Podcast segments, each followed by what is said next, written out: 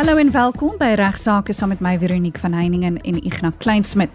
Ons begin vandag se program met luisteraarsvrae wat verband hou met boedels en testamente.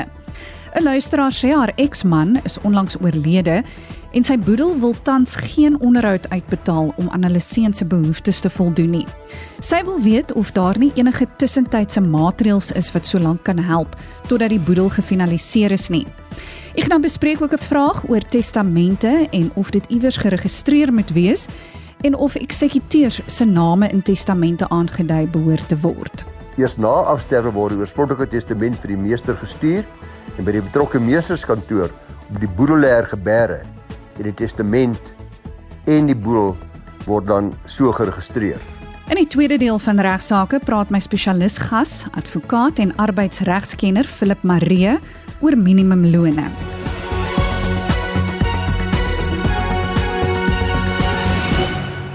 Ignas skop die program vandag af deur 'n luisteraarsbrief te bespreek wat handel oor 'n boedel en haar kind se onderhoudsgeld.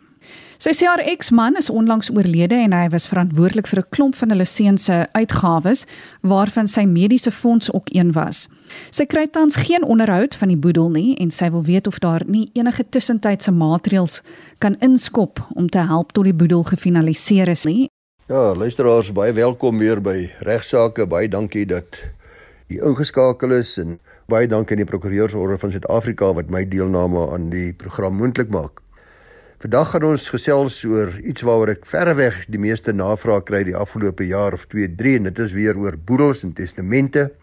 Soos gewoonlik het ek die boedelspesialis by Van Velden Davirustemer Volker Kreer gevra om my behulpsaam te wees en die eerste skrywe wat ek gekry het wat ek vandag gaan bespreek kom van 'n luisteraar wat eerstens sê uh, sy ma het my program gehoor en dis waar my die navraag. Ek hoop hy gaan van nou af ook self 'n luisteraar wees van ons program. Sy liewerste, sy sê my eksman en pa van ons seun is in my skielik oorlede. Hy het steeds medies, skoolgelde, klerasie, buitemuurs en nog 'n paar goed vir my seun betaal. Ek het 'n navraag aan die eksekuteurs gerig wat die boedel behartig, maar hulle wag nou al steeds baie lank vir die brief van die meester van die hof. Eers dan sê hulle kan hulle my help en tot aksie oorgaan en intussen tyd ek agter inderdaas ons seun op my mediese laai is afhanklike omdat Discovery nie wou sê of hy nog op sy oorlede pa se medies aktief is nie. Daar's ook buitemuurse aktiwiteite, daar's heelwat lewenskoste waarmee ek dringend hulp benodig. Aangesien ek nie self kan bekostig nie. Sy sê die proses draai vreeslik en niemand kommunikeer met my nie. Sy is baie hoë spanning en oor hoe mense onkoste gaan met kostig die tussentyd en sy kry geen onderhoud van die boedel nie en sy weet nie wanneer sy dit gaan terugkry nie. So, vra sy haar vraag is is daar geen maatreëls wat in die tussentyd kan inskop om mense te help dat ons seun dis haar seun en haar ex oorlede man se seun daarom behoorlik nou omgesien is totdat die testament eendag voorgeles is en die boedel gefinaliseer word nie.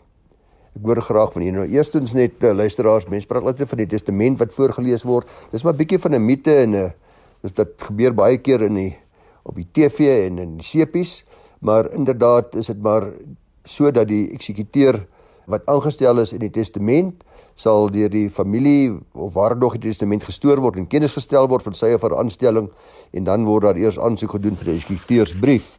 Nou soos Volker ook heeltemal reg sê, wens ons ons het 'n goeie oplossing vir die luisteraar gehad, maar daar is nie. Dis baie jammer dat ons regstelsel nie beter planne maak om sulke mense soos ons luisteraar in hierdie geval by te staan en te help nie. Want dit gebeur bitter dikwels dat afhanklikes dringend toegang tot fondse moet kry vir onderhoud en ander dringende behoeftes na iemand se afsterwe en ongelukkig is daar min kans dat so iemand vinnig gehelp kan word. Nou ons wil nie die relevante wetgewing skuld gee nie. Dit maak sin dat die boedelwet bepaal dat niemand namens die boedel kan optree nie om beheer oor te neem oor bates en fondse vir afhanklikes en en dat daar eers 'n eksekuteursbrief aangestel moet word of uitgereik moet word nie, jammer. Dit maak ook sin dat hierdie proses onder toesig van 'n meesterskantoor moet plaasvind. Anders sou daar gawes wees na iemand se afsterwe. Dit is natuurlik belangrik dat skuldeisers ook beskerm moet word. Dat geld nie gou uitbetaal voordat daar nie behoorlik ordelik gekyk is na die bates en laste van 'n boedel nie. Ons reg maak ook daarvoor voorsiening dat die eksekuteur in die diskresie van die meester aangestel gaan word en dat hy dan fondse aanafhanklik is beskikbaar mag stel, solank natuurlik die boedel insolvent is, is belangrik en daaraan sekere ander voorwaardes voldoen is. Sodra die eksekuteursbrief uitgereik is, dan kan die eksekuteur optree en die nodige planne maak om afhanklik is te help in die tussentydse onderhoud waarvan ons luisteraar praat, hangende die afhandeling van die boedel. Jy hoef nie te wag tot met die afhandeling van die boedel wat soms maande en selfs jare duur nie. Nou soos baie luisteraars waarskynlik al weet en gehoor het in die nuus en gelees het, is die probleem egter dat daar deesdae baie lank tye neem vir die relevante meesterskantore om eksekuteursbriewe aan die eksekuteurs, eksekutrises uit te reik. Dit beteken onder andere dat banke gaan die erfgename nie help om toegang tot fondse van die oorledene te kry nie en hulle gaan dus nie geld hê om afhanklikes te help nie. So wat kan die luisteraar doen? Die luisteraar moet maar die probleem met die eksekuteur self opneem en hopelik sal die eksekuteur dan alles in sy of haar vermoë doen om sover as moontlik die uitreik van die eksekuteursbrief by die meesterskantoor te bespoedig. Soms leen mense dan maar by familie of by die bank geld om intussen versorg te kan word.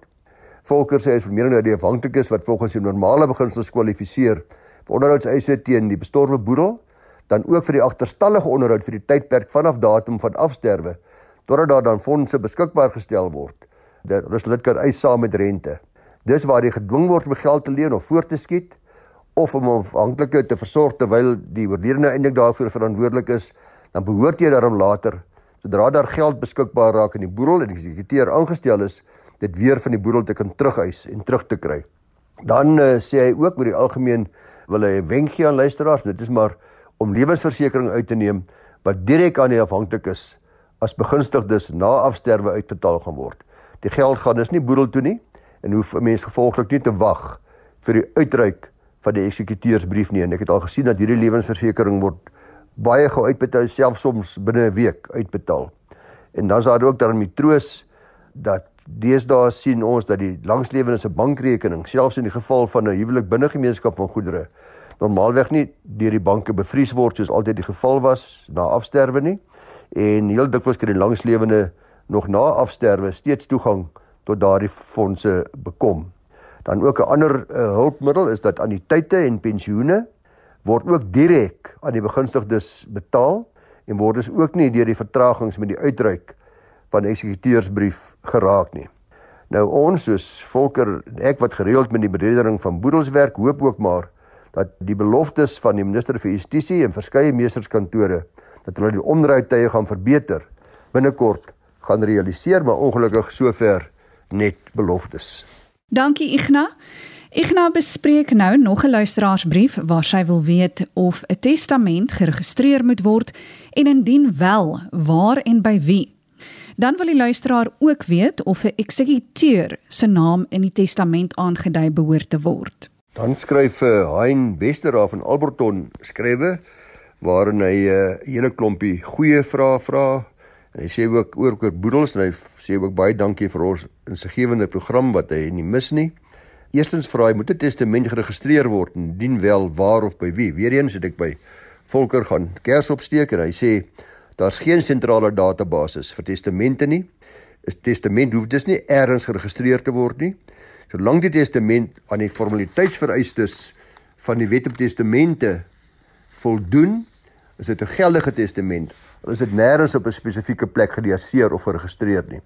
Eers na afsterwe word die oorspronklike testament vir die meester gestuur en by die betrokke meesterskantoor op die boedelaar gebeere en die testament en die boedel word dan so geregistreer.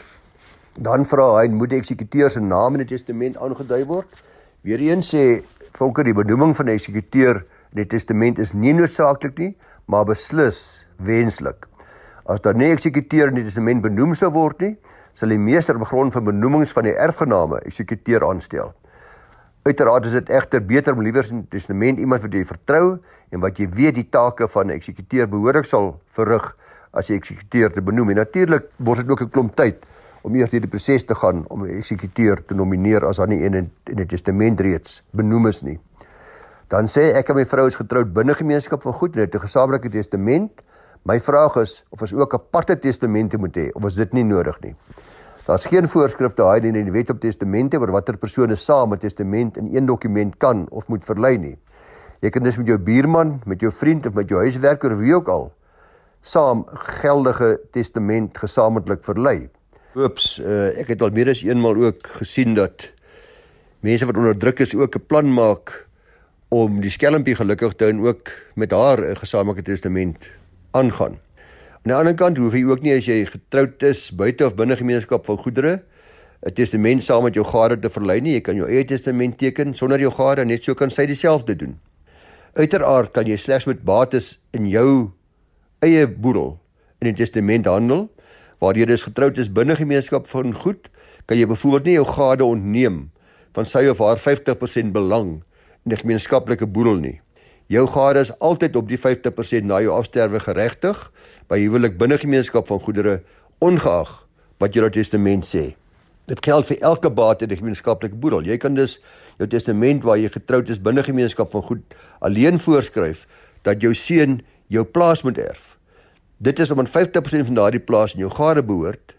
Jou gade sal dus moet saamwerk om die plaas na jou afsterwe by jou seun uit te kry. Daar moet inderdaad dan vir boedelsamesmelting in die testament voorsiening gemaak word en die langslewende gade moet hierdie testament dan adieer, goedkeur na jou afsterwe. Maar dis dalk 'n gesprek vir 'n ander dag. Volker se voorstel aan erflaters is altyd om maar waar hulle getroud is of dit nou binne of buite gemeenskap van goedere is, 'n gesamentlike testament op te stel. Dit maak dit makliker vir almal as daar een dokument is wat vir die verskillende scenario's, gewoonlik 3 scenario's voorsiening maak. Een scenario is waar die man eers te sterwe sou kom, wat maar gewoonlik die geval is omdat ons mans baie baie meer stres het en baie meer swaar kry en baie harder werk. nou, hoor ook 'n stuk party vrouens hulle koffie. Maar goed. Tweede scenario is een waar die vrou eers te sterwe sou kom en die derde scenario is waar hulle saam of binne 30 dae van mekaar te sterwe sou kom. Ons sou sê dat so 95% van die mense wat uh, ons mee praat, die voorstel aanvaar om liewer 'n gesamentlike testament met hulle gade op te stel en slegs omtrent 5% van die mense verkies om alleen 'n testament te teken waar hulle die boedelbeplanning en finansies afsonderlik van hulle gades wil hanteer. Byvoorbeeld in die geval van 'n tweede huwelik. Dis natuurlik hulle volste reg om dit so te doen. Onthou nou maar net uh, luisteraars, ek het dit al voorheen vir u gesê dat daar's een probleem, jy teken vandag 'n gesamentlike testament, jy's doodtevrede dat jou man of jou vrou mooi na julle gaan sorg of julle goed na mekaar gaan kyk by die afsterwe van die eersterwende, maar jou man mag sy eie testament opstel die dag daarna waarin sy kinders uit sy eerste huwelik of wie ook al alles erf. Want onthou altyd, die laaste testament is geldig. Ja, ek sluit graag my deel van vandag se regsaake af met 'n 'n bietjie meer vrolike amusante storieetjie wat vertel is in die boek Stilte in die Hof Shut Up Food Sack van Isak Norke. En dis uit die dae toe hy nog 'n jong aanklaer was en hy sê hy destyds in Durban aangekla in die kinderhof. En 'n groot man was aangekla dat hy 'n baie klein mannetjie gevoeter het. Hy pleit te skuldig en sê vir die landros: "Ja, edelagbare sal daardie tsotsie ook gevoeter het as hy so cheeky met u was. Ek het hom gevra laat dit was en toe sê hy: "Lyk my gesig vir jou soos 'n town hall klok." Nou ja. Pas jouself op. Tot volgende week, maandag 12:30 groetnis. Nou ja, dankie Ignas vir jou deelname in vandag se program.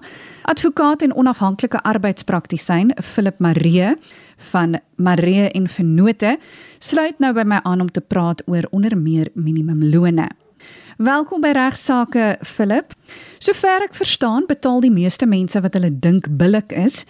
Is dit aanvaarbaar? Die kort antwoord is nee. Daar is 'n paar aspekte wat werkgewers nou van moet kennis neem. Die nuwe minimumloon vir huiswerkers het op 1 Maart 2021 in werking getree en op 1 Maart 2022 is die loonbedrag verhoog deur die minister van Arbeid. Die loon vir enige persoon wat deur 'n private huishouding in diens geneem is, beloop nou R23.19 per uur met 'n verwagting dat die bedrag dalk kan styg tot R24 per uur in 2023. Dit laat natuurlik baie werkgewers benoud, veral in die moeilike ekonomiese tye. Is dit slegs huishulpe wat deur die nuwe minimumloon in 'n huishouding geraak word? Nee, plaaswerkers wat laas jaar uitgelaat was, word ook nou ingesluit saam met 'n groter groep werknemers. Huiswerkers wat huishoudelike werk in private wonings verrig, insluitende tuinwerkers, huishulpe, bestuurders van voertuie en mense wat na kinders, siekes of bejaardes in 'n private huishouding omsien word nou ingesluit. Hulle minimumloon beloop ook dus R23.19 per uur. Nou hoe bereken ek die minimumloon? Indien 'n persoon vir minder as 24 uur per maand by jou werk, is die persoon nie op ander voordele soos siekteverlof of verlof geregtig nie, maar jy moet steeds die minimumloon per uur betaal. Werknemers mag egter nie meer as 45 uur per week werk nie wat etenstyd uitsluit. Jy hoef hulle ook nie vir daardie uur se etenstyd te betaal nie. Iemand wat voltyds by jou werk en wat maandeliks vergoed word, mag ook nie meer as 45 uur per week of meer as 9 ure per dag werk nie. Indien 'n werker vir langer as 45 ure of 9 ure per dag werk, moet die werker oortydbetaling ontvang al is die werker voltyds in diens. Oortydbetaling vir normale oortyd is teen 1 en 'n half keer die werknemer se uurlikse loon. Oortyd op Sondae en openbare vakansiedae is teen dubbel die werknemer se uurlikse loon en word deur die wetgewing gereguleer. En wat van kos, verblyf en vervoer?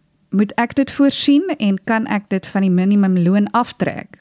Verblyf of water en elektrisiteit kan tot 'n bedrag van 10% van die maandelikse loon afgetrek word by ooreenstemming. Maar in die geval van verblyf moet die werknemer se verblyf aan sekere minimum vereistes voldoen. Soos byvoorbeeld om waterlig te wees en in stand gehou te word. Ten minste een deur wat kan oop en toesluit en jy moet ook 'n venster hê sowel as 'n bad of stort of toegang tot 'n bad of stort. Jy moet steeds die R23.19 per uur betaal. Jy kan nie minder betaal en dan die verweer hê om te sê dat jy minder betaal per uur omdat die huiswerker op die erf woon nie. Albei partye moet skriftelik daartoe ooreenkom en die aftrekking moet ook op die betaalstrokie aangedui word. 'n Werkgewer is nie verplig om kos of vervoer aan huiswerkers te voorsien nie, maar moet wel 'n etenstyd toestaan. En wat van 'n verhoging? Moet ek 'n verhoging gee? Ja, ongelukkig is die nuus altyd nie goed hier nie. As jy bo die minimumloon betaal, is daar nie 'n verpligting nie. As jy egter onder die nasionale minimumloon betaal, is daar 'n wetlike verpligting om jou huiswerker ten minste die minimumloon te betaal.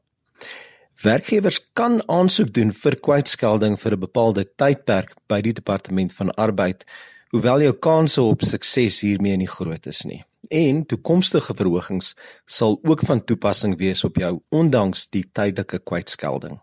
Nou Philip, wat sal gebeur indien ek nie die minimumloon betaal nie? Waar werkgewers nie die vereistes nakom nie, het die departement van arbeid baie wye magte. Indien jy nie die minimumloonbetaling nakom nie en die departement van arbeid vind uit, kan die departement 'n voldoeningsbevel teen jou uitreik wat met baie hoë boetes gepaard gaan en werkgewers kan baie swaar gestraf word. Ons kan moontlik op 'n latere geleentheid kyk na die risiko's wat 'n werkgewer sou dra wanneer werknemers nie wettig werk verrig nie. En wat gebeur indien ek as werkgewer nie 'n verhoging kan bekostig nie? In die huidige ekonomiese klimaat en met die komende jaar se verwagte verhogings, is dit 'n groot bekommernis dat meer afleggings weens die verpligte verhoging sal volg. Indien jy nie die verhoging kan bekostig nie, sou 'n mens by ooreenstemming die werknemer se ure kan verminder, maar jy sal 'n bylaat tot die werkskontrak moet teken as ook die bedrag wat betaalbaar sou wees aan die einde van elke maand wat dan op die betaalstrokie moet reflekteer.